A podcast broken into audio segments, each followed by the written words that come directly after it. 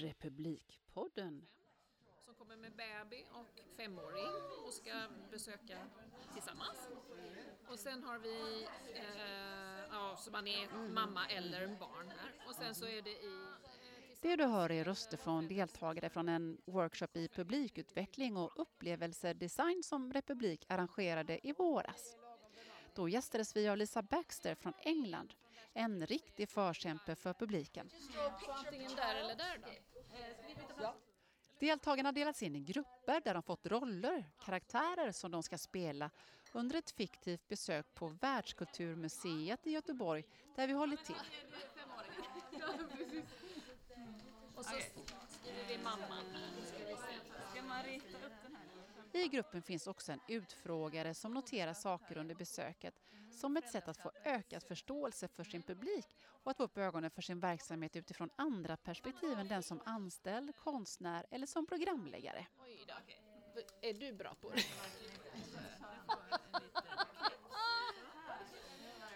Linn, är inte du jätte... Brunhårig blev hon. 2012 grundade Lisa Baxter The Experience Business och hon arbetar numera över hela världen som konsult med att inspirera och ge konst och kulturinstitutioner verktyg och redskap att förändra sitt sätt att arbeta. Att sätta sin publik i centrum och publikens upplevelse och som kanske inte bara handlar om det konstnärliga värdet. Lisa arbetar väldigt praktiskt kring frågor som rör designtänkande, problemlösning och om att känna empati för sin publik. Workshopen som hon håller idag handlar om just det. To walk in someone else's shoes. Att sätta på sig någon annans skor.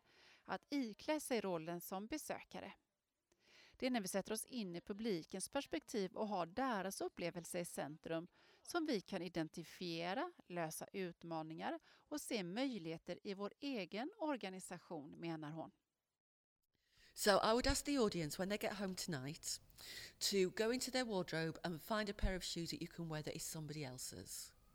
So if you know if if you're a you know if you if you've got a female in your if you're a male and you've got a female in your house if she's got very big feet try on her shoes or try on her boots. Um, if you've got a child put put their shoes on your hands. Just put on a different pair of shoes. Be that person and walk around your house as that person. And you will see that house in a different way Imagine doing that if you walked in the shoes of your visitors. So, what we do is we do a, a, an empathy exercise. We develop personas where museum professionals and theatre professionals um, d- develop a deeper understanding of where their audience is coming from. And then they metaphorically put on their pair of shoes and they walk in the shoes of their audience through an element of their experience offer to see how that person would respond to their venue. What happens is, as soon as you take away your own professional perspective, you open up a more empathic perspective, which is that of an audience member. And as we saw today, when, when people came back from the exercise where they walked in the shoes of their visitors around the Museum of World Culture here in Gothenburg, their eyes were sparkling and they realised that they'd come to appreciate the value of an audience perspective. Hennes intresse för publiken kom när hon arbetade med marknadsföring på en stor kulturinstitution, men där hon saknade flera olika perspektiv på publiken. Hon började frilansa. En resa där hon lärde sig massor om nya saker och där hon också investerade i ny kunskap och erfarenheter för att kunna bli expert på sitt område. Att ta reda på hur publikens upplevelse ser ut. Hon ville göra publiken till mästarna, till de som vet mest. Dessvärre var det inte så många som var intresserade av publikens upplevelse. Unfortunately, there weren't many organisations who were interested in learning what their audience experience was because they were being evaluated based on the numbers of audiences that were coming, not the quality of experience. So eventually, I decided to set up a business called the Experience Business in order to champion the importance of understanding and empathizing with the audience experience in order to better design those experiences to support the long-term sustainability of the arts and cultural sector. Publikutveckling och publikengagemang har vi hört talas om tidigare. Lisa Baxter arbetar även med begrepp som vibrancy och sensibility. För att få en fördjupad kunskap i vad det är som får publiken att gå igång. Varför kommer de? Varför inte? Vad är det de behöver? Vad har publiken för mål och motivation att delta eller att besöka ditt galleri eller din teater? Och hur väl kan du och din organisation leva upp för att de ska nå dessa? Sedan måste man ha sin egen ryggrad också. Vad vill vi egentligen uppnå? Och vad vill vi att de ska få för upplevelser när de besöker oss? Och så för man samman dessa två olika tankar. You also need to have a backbone. What are the experiences that we want to deliver as an organisation? And you bring the two together. And the degree of artistic vibrancy is the degree to which your intentions as a venue and the audience experience align. Eh, femåringen kan få lov att springa lite för sig själv utan att man ska bli orolig att den försvinner och, och att bebisen var ju att gå tillsammans från början. Jo, men jag menar att de ska, de ska vara tillsammans, familjen, men att, man, att, att barnet... Man ska inte vara orolig för att femåringen ska, ska försvinna. Upplevelse för alla. Är inte det målet? Ge, ge, en, ge en fin, äh, även för bebisen, en, en, en lugn och osvettig förälder som, som, som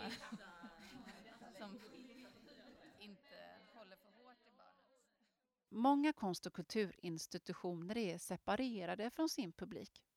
Det upptäckte Lisa när hon arbetade med varumärkesfrågor för en uppsjö olika kunder. Men hon tycker också att de lär sig mer och mer om sin publik. Mer forskning görs och mycket av den forskningen som görs göder och skapar olika sofistikerade segmenteringsmodeller som kan vara användbara. Men bara till en viss gräns menar hon de räcker inte hela vägen om vi verkligen vill veta mer om vår publik och känna empati med den.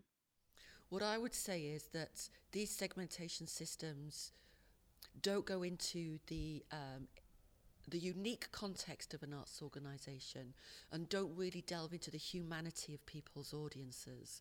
So, whilst we're, we're, becoming much more sophisticated at segmenting our audiences, using segments that can be applied across a number of institutions, organisations are still not able to talk with genuine empathy and authority about their own audiences. And that's a problem. It's a big problem. I don't think they realise that it is a problem. But if you want to create authentic value for the people and communities that you uniquely serve, you need to understand the uniqueness of those people and communities. Kim Kim! Nu ska vi gå på museum och vi ska gå på en jätterolig ja. utställning. Vänta lite! oj,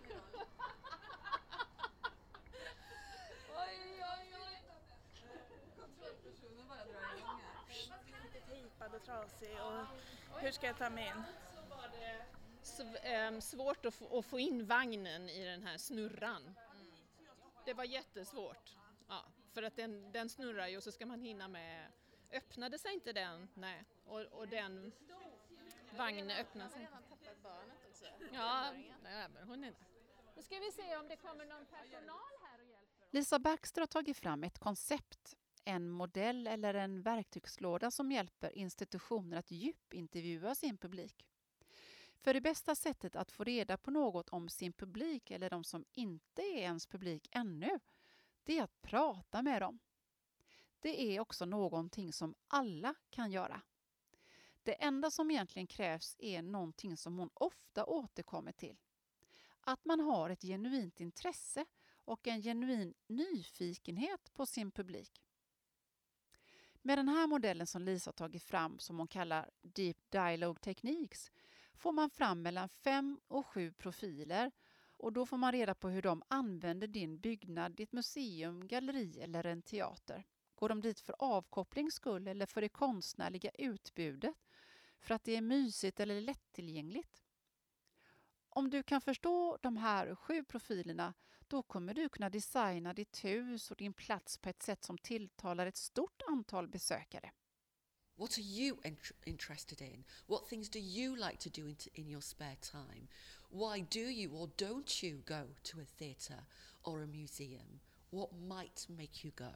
simple questions, but with deep dialogue techniques, you can get beyond simple answers to more complex answers that give you a richer understanding of where these people are coming from. The best way to understand your audiences is to observe them and to talk to them. Um, you don't have to be a qualified researcher, you just need to be genuinely curious about them. So, what I've started doing now is training arts organisations in observational research and into techniques that I call deep dialogue techniques. How to have meaningful conversations with people so you, are, you can understand where they're coming from. Once you understand a bit more about your audiences, you can start then creating customer profiles, which we call personas, where you can come up with between, say, five or seven different sketches of the different kinds of people that use your building. It could be a theatre audience or a visitor to a gallery or exhibition. Um, but what happens is once you understand these seven, five to seven different profiles, you can design for those few key profiles whilst meeting the needs of the majority of your audience.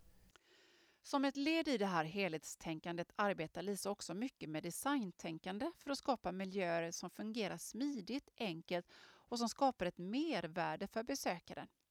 Att det blir en helhetsupplevelse så att när man möter konsten blir den upplevelsen förhöjd eftersom det övriga besöket gått så smidigt och bra.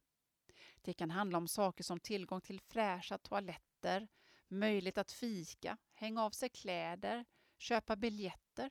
Ja, allt det som har med besöket att göra. So, so design thinking is a way of creating new products and services or improving existing products and services that meets the needs and um, expectations of a user or a customer. Services like as in... Uh... Well, it's used. Um, it's used in hospitals. It's used in uh, retail. It's used in tourism. It's used by the government. Any organisation that wants to better engage with its customer base uses design thinking. Uh, it could be to design environments like shop environments. It could be used to design services like um, online booking for a holiday, for example. So I've taken design thinking and applied it to the arts in terms of designing more relevant, well, not relevant, but more useful, much more streamlined, much more um, desirable experiences for audiences. I don't necessarily deal with the art because I'm not an artist, but you can use design thinking to look at the wraparound experience so that if you take the art out of the whole experience of a building, and you have everything in between, you can improve that experience so that when they go into the arts, they have a heightened experience. You put those two together, what's going on in the building and what's going on with the art, and what you have is your brand experience.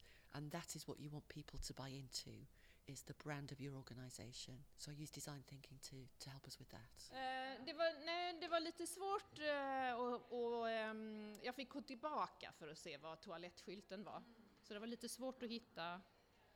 Sen förstod jag till slut att man skulle gå ut genom den här dörren men det var, det var inte jättetydligt på väggen där. Nej, men det, jag, jag hade ju sett WC-skylten så jag kände att jag visste, jag visste liksom någonstans måste den ju vara, men jag fick gå tillbaka för att, för att se. För att sen komma. En av deltagarna på workshopen på Världskulturmuseet berättar om ett besök på ett stort världsberömt museum som de hade sett fram emot att besöka på sin utlandsresa.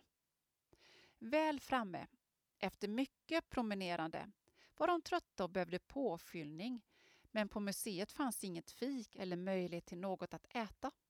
De blev inte heller särskilt väl bemötta av personalen och det är det de bär med sig från det besöket, inte själva utställningen. Only sweet. Well, panicking. Panic? Panicking. Is, is, it, is it so important to you to go to a museum on a full stomach? I'm just, I'm just wondering, I just have to ask the question. So, wait, Not full, but you know, So, she, so she's showing you food that you don't really want, so mm. you are... And, and was... Um, and rude at the same yeah. time. So we go, are, are we, we are going down. How far?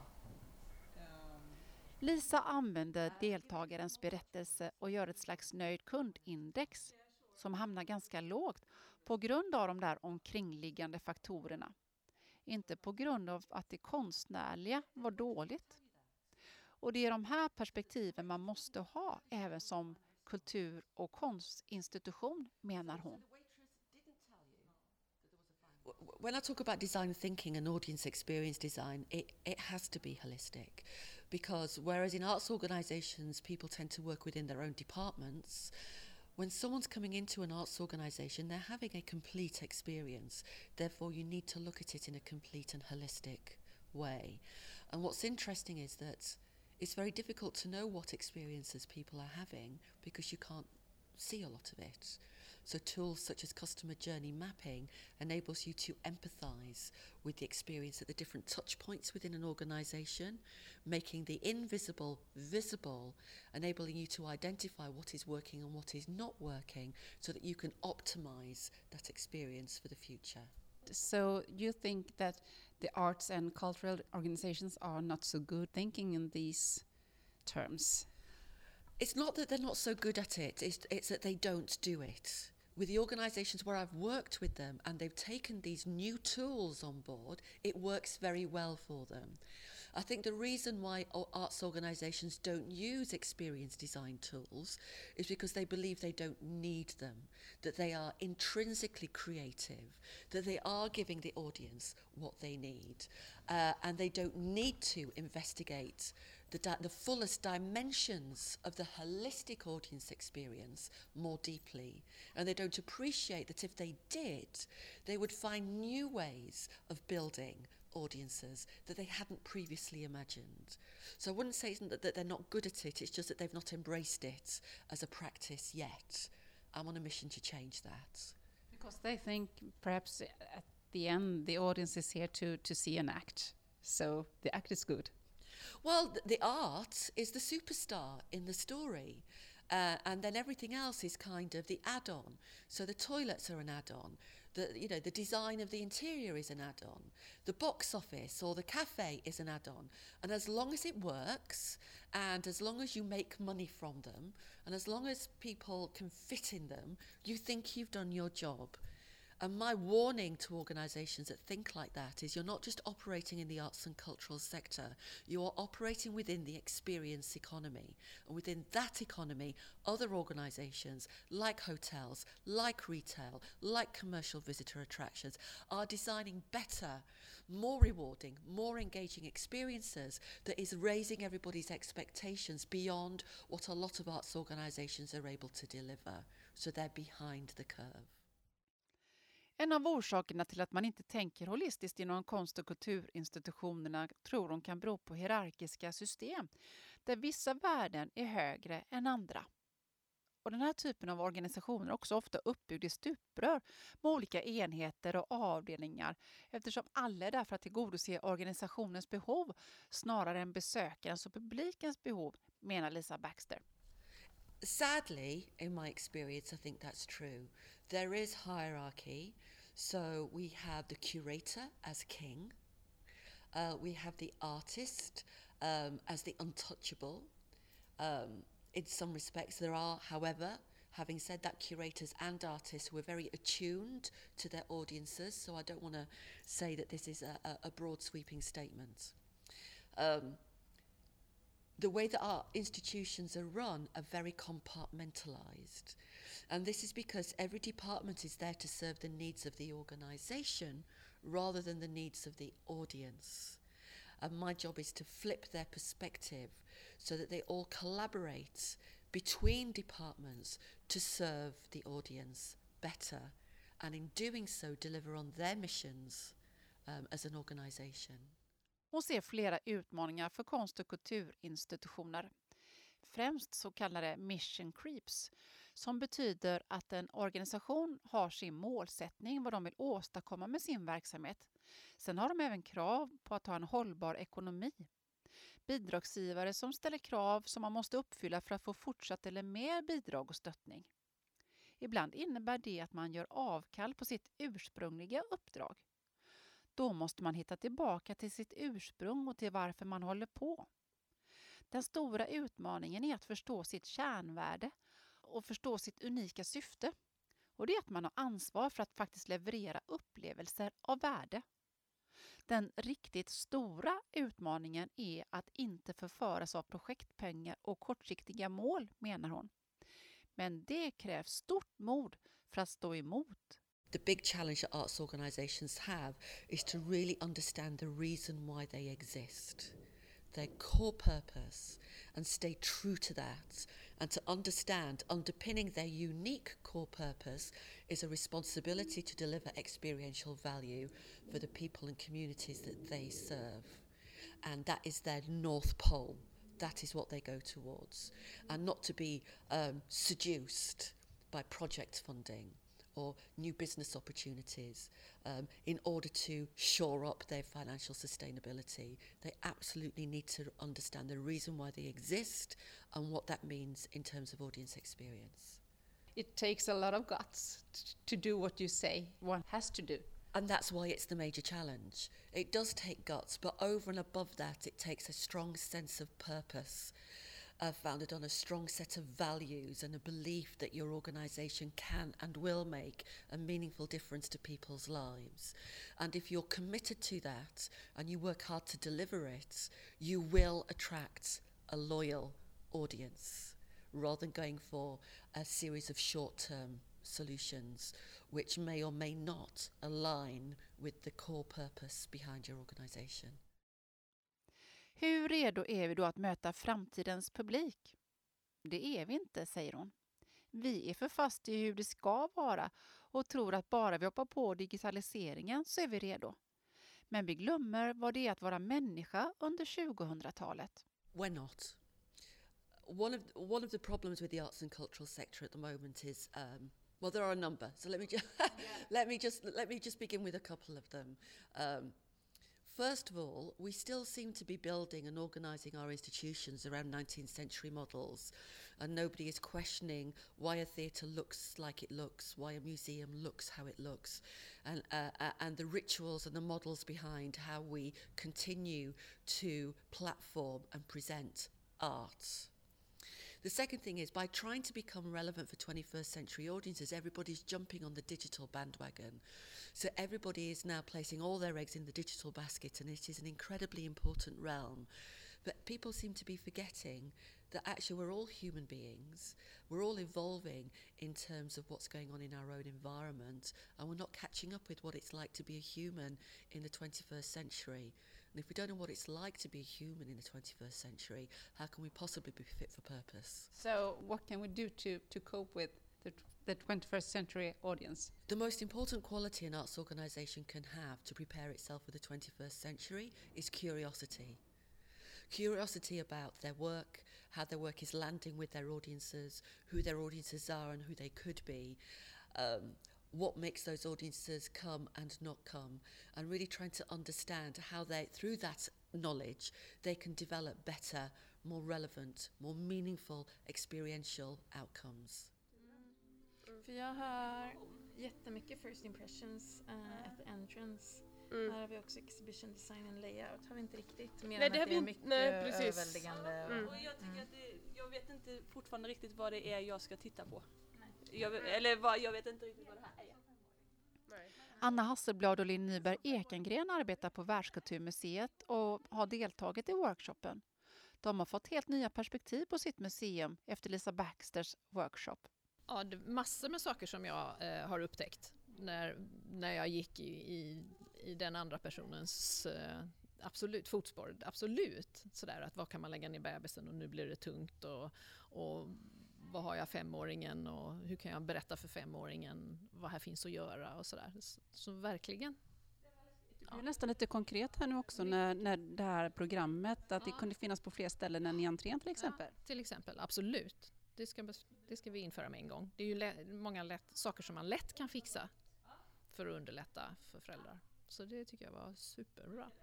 Vad tänker du om den här metoden överhuvudtaget? För du har också gått här Linn. Är det någonting som du tänker att det här är ett bra sätt att kunna göra en publikanalys eller se just utifrån publikens perspektiv? Ja, och det är också, vore också spännande att eh, inte bara samla in information om de här personerna utan verkligen ta med personer som runt i rätt målgrupp som visar, visar vägen hos Kugge. Man behöver inte alltid skriva ett personporträtt kanske utan man tar med en riktig person och ser hur det fungerar. Då ska man också kunna göra. Det har vi i och för sig också också gjort med fokusgruppen men det här just att man, att man spelar personen, det har vi inte gjort så mycket.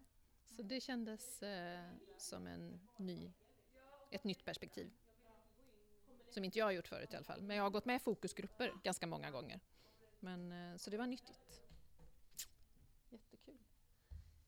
Kim, har du gått vilse här nu? Nej, jag är inne och tittar här inne. Ja. Det var lite läskigt. Ja, det är lite läskigt. Nu ska vi gå och Men det fika. är också lite triggande. Ja! ja! Nu ska vi gå och fika. Tar du med dig någonting från den här övningen i ditt Ja, arbete? Absolut. Nu jobbar inte jag med besöksmål på det sättet utan vi jobbar med digitala utställningar. Men eh, ändå. Absolut. Vad tänker du främst då? Just det här att se från olika perspektiv. Eh, spännande. Och att tänka in barn eh, även där faktiskt. Förändring är svårt. Det är att ta sitt team och sin organisation på en öppen resa. Förändring är ingen quick fix, även om det också kan gå fort att skapa förändring. Du behöver inte förändra hela organisationen. Testa det här med upplevelsedesign, brukar Lisa föreslå. Change is hard. Change means rethinking, recalibrating, reimagining, taking a team on a, an open journey with you to achieve um, a different goal. And if, if, you, if you use experience design as a process of organizational transformation, then, then um, you do need to be a brave organization and a committed organization to do that. The way that I approach it is normally an organisation will employ me to do a small project as proof of concept.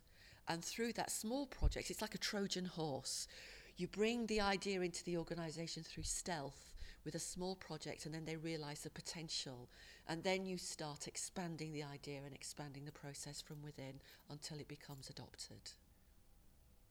So, is that why, when they realize how much there is to do, is that why the resistance come from? There's two kinds of resistance that I've come across. One is from organisations that just reject the idea of experience design, and that resistance comes from the idea that they think they know what they're doing and what they know is best, and they don't need to know their audiences, or they think they already do, but perhaps they don't. The second resistance is is um, the idea that it's actually long term. It's not a quick fix. Um, and it takes a very special kind of organisation to want to embrace it. Having said that, the quick projects normally deliver long term impacts as well. So I tend to now um, focus more on trying to get people to try experience design rather than trying to get them to change their organisation um, at the very outset. Try before you buy. But who want to change? And if they're committed to change, if they're committed to transforming into a purposeful organisation for the sake of long term audience development, um, then I find that that is a door that can easily be pushed open. But it's a good thing that, that they contact you when they feel that they are stuck. It's a good thing. Well- it's it's the first step, at least. Exactly. Well, the, the, the, there's been stuck and then staying stuck, and then there's being stuck and realising there's another way. So for me, it's the, it's those it's the smaller percentage of organisations who realise that there are other ways out of this this sense of being stuck. It's a difference between existing to exist, because you believe that what you have is intrinsically good for society, and existing because you want to have meaningful pers- purpose for that society. One is a position of institutional ego, the other is a, is um, a mindset of public service. Yeah, somewhere there. Because I'm still very curious about the museum uh, exhibitions. So if you weren't that curious, if, if you didn't really want to go to the museum, you might have given up Yeah. at this point. Okay. We're going to stop there because I think we've made the point. Did anything? Did you get fed? I actually uh, left the museum high. but before we got the main interesting stuff, we, we were going all the way down. To there. okay. Lovely. And you know what? Curiosity is a really important trait for arts and cultural organisations to have not just about art and artists, but about people. Because we work at a human level. The potential of our work to delight, to inspire, to provoke, to engage, to confound, to outrage is the very stuff of what we do. And it's only through exercising deep curiosity about how our work does and could impact on audiences that c- we, we can develop our capacity to continue to deliver great experiences for our audiences and communities. Du har lyssnat på en podd från Republik, Kulturvästs nationella centrum för publikutveckling. Och jag som producerat podden heter Anneli Abrahamsson.